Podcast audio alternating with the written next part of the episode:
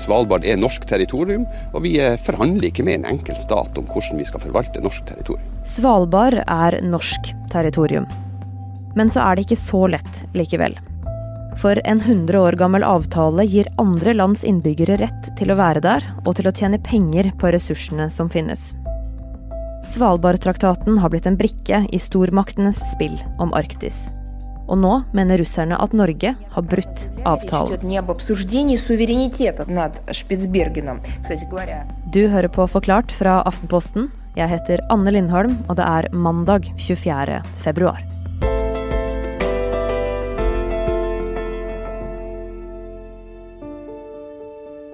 Hvis du skal fly fra Fastlands-Norge til Svalbard, så må du først over et langt strekke med hav, Nordishavet. Og på en klar dag kan du kanskje se en og annen tråler som driver fiske på de rike ressursene i området. Og etter hvert ser du Spitsbergen, den største øya i øygruppa som er Svalbard. Du kan se snødekte fjelltopper, daler og isbreer. Og ved den største fjorden, Isfjorden, ligger det to små samfunn. Det største er norske Longyearbyen, med fargerike hus innover en trang dal.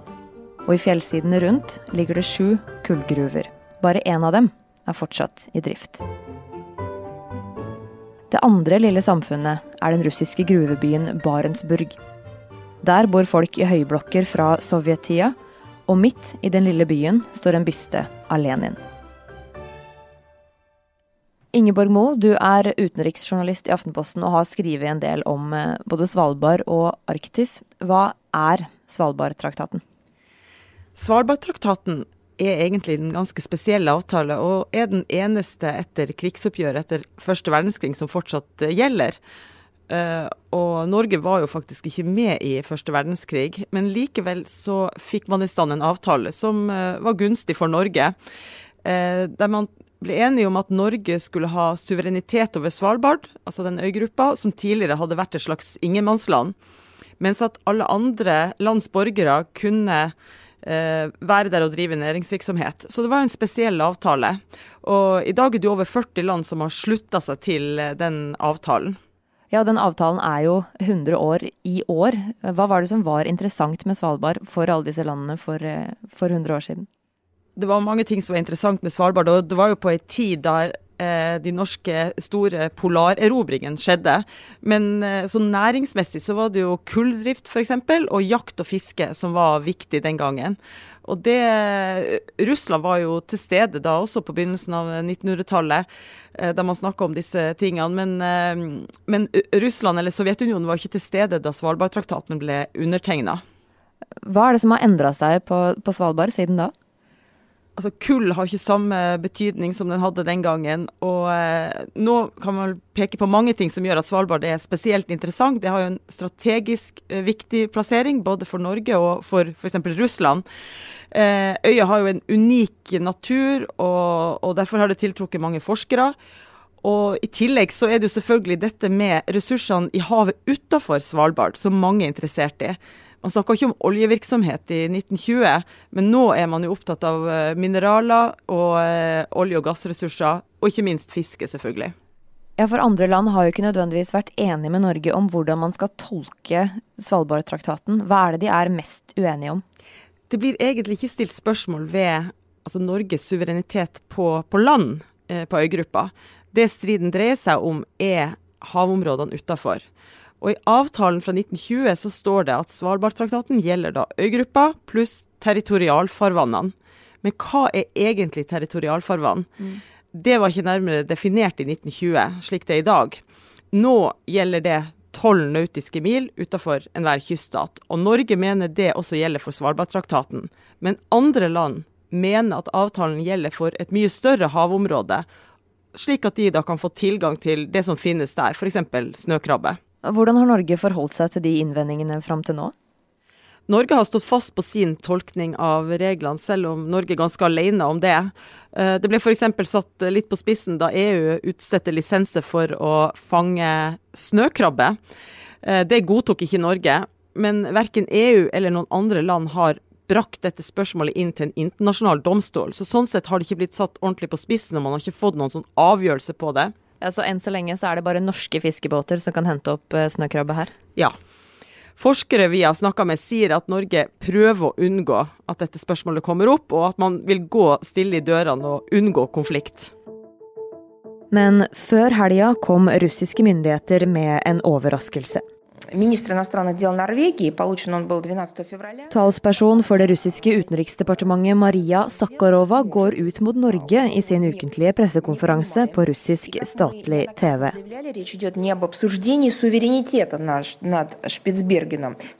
Hun sier Norge har brutt betingelsene i Svalbardtraktaten. Hva er det Norge har gjort galt? Vi er straks tilbake. Helene Skjeggestad, du er Aftenpostens korrespondent i Russland. Hva er det russerne mener Norge har gjort galt, når de sier at Norge har brutt betingelsene i Svalbardtraktaten? Ja, det kom et brev fra den eh, russiske utenriksministeren der det først og fremst understrekes at eh, Russland på mange måter er fornøyd med det samarbeidet de har med Norge om Svalbard.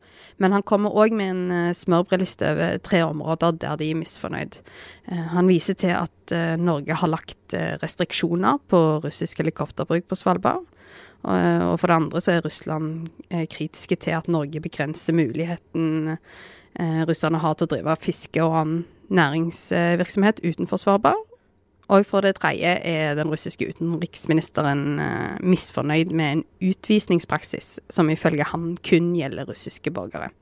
Eh, dette her er litt teknisk, eh, men det viktigste er at dette er saker som det er løpende debatt mellom norske og russiske myndigheter på. Det nye er at dette tas offentlig. Mm. For hva er det Russland egentlig sier når de, når de tar det offentlig? Ja, det er jo 1000 kroner-spørsmålet. Eh, Det er en kjent sak at eh, Russland med jevne mellomrom reagerer mot eh, Svalbard og, og måten eh, Norge driver politikk på Svalbard.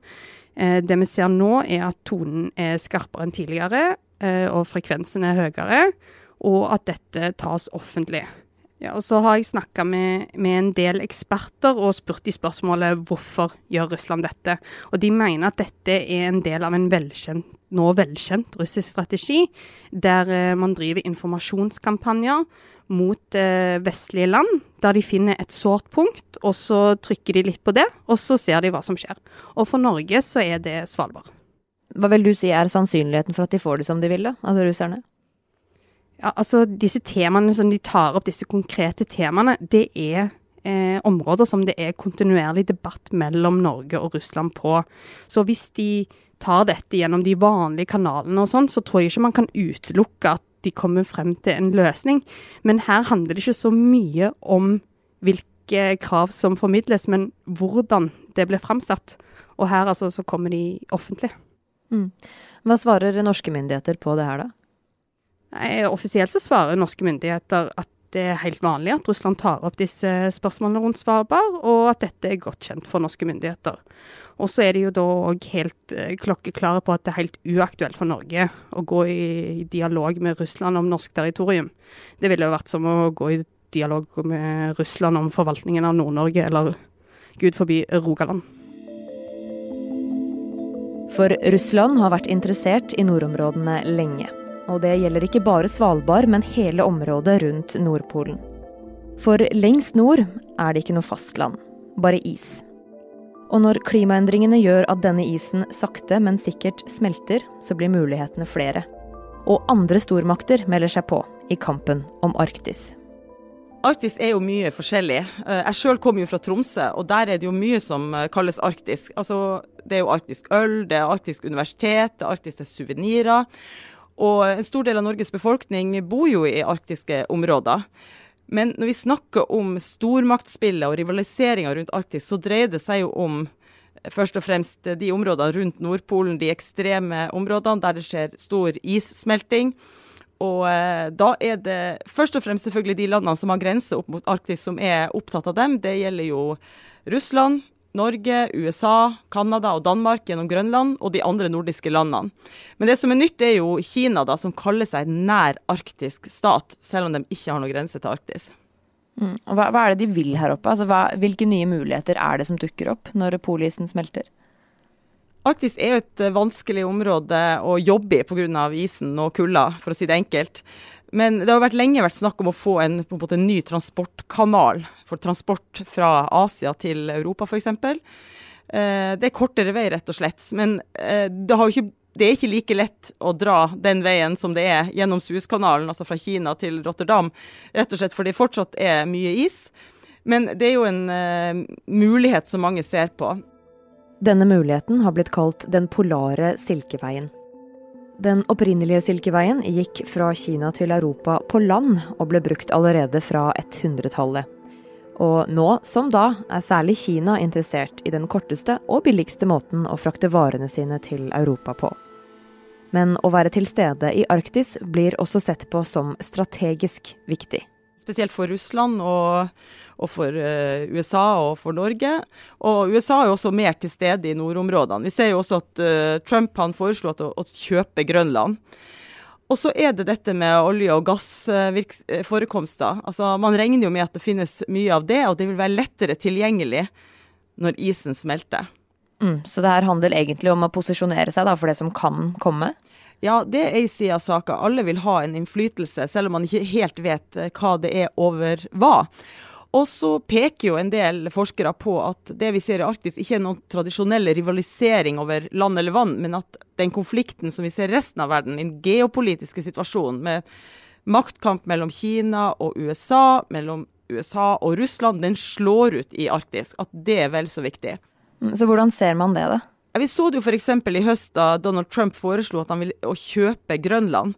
Det ble sett på som en måte å møte det at Kina er så interessert i Grønland og driver gruvevirksomhet der, f.eks. å finansiere flyplasser der. Den type virksomhet er ikke USA interessert i å ha i så nært opp til seg sjøl, og, og derfor ble det sett på som en strategisk måte å prøve å slå tilbake på.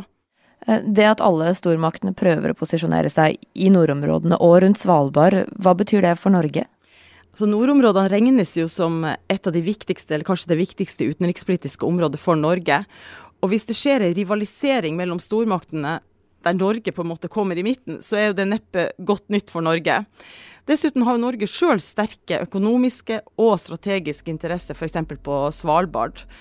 Og, og, Norges utenriksminister Ine Eriksen Søreide sier jo sjøl til oss at, at, det er mange som har interesse av å framstille nordområdene, Arktis, som en slags vill vest. Og for Norge er det derfor veldig viktig å si at det ikke er det.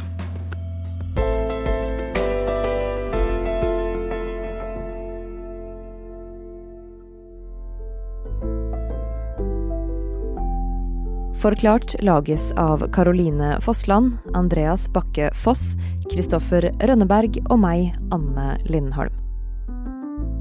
I denne episoden har du hørt lyd fra NRK.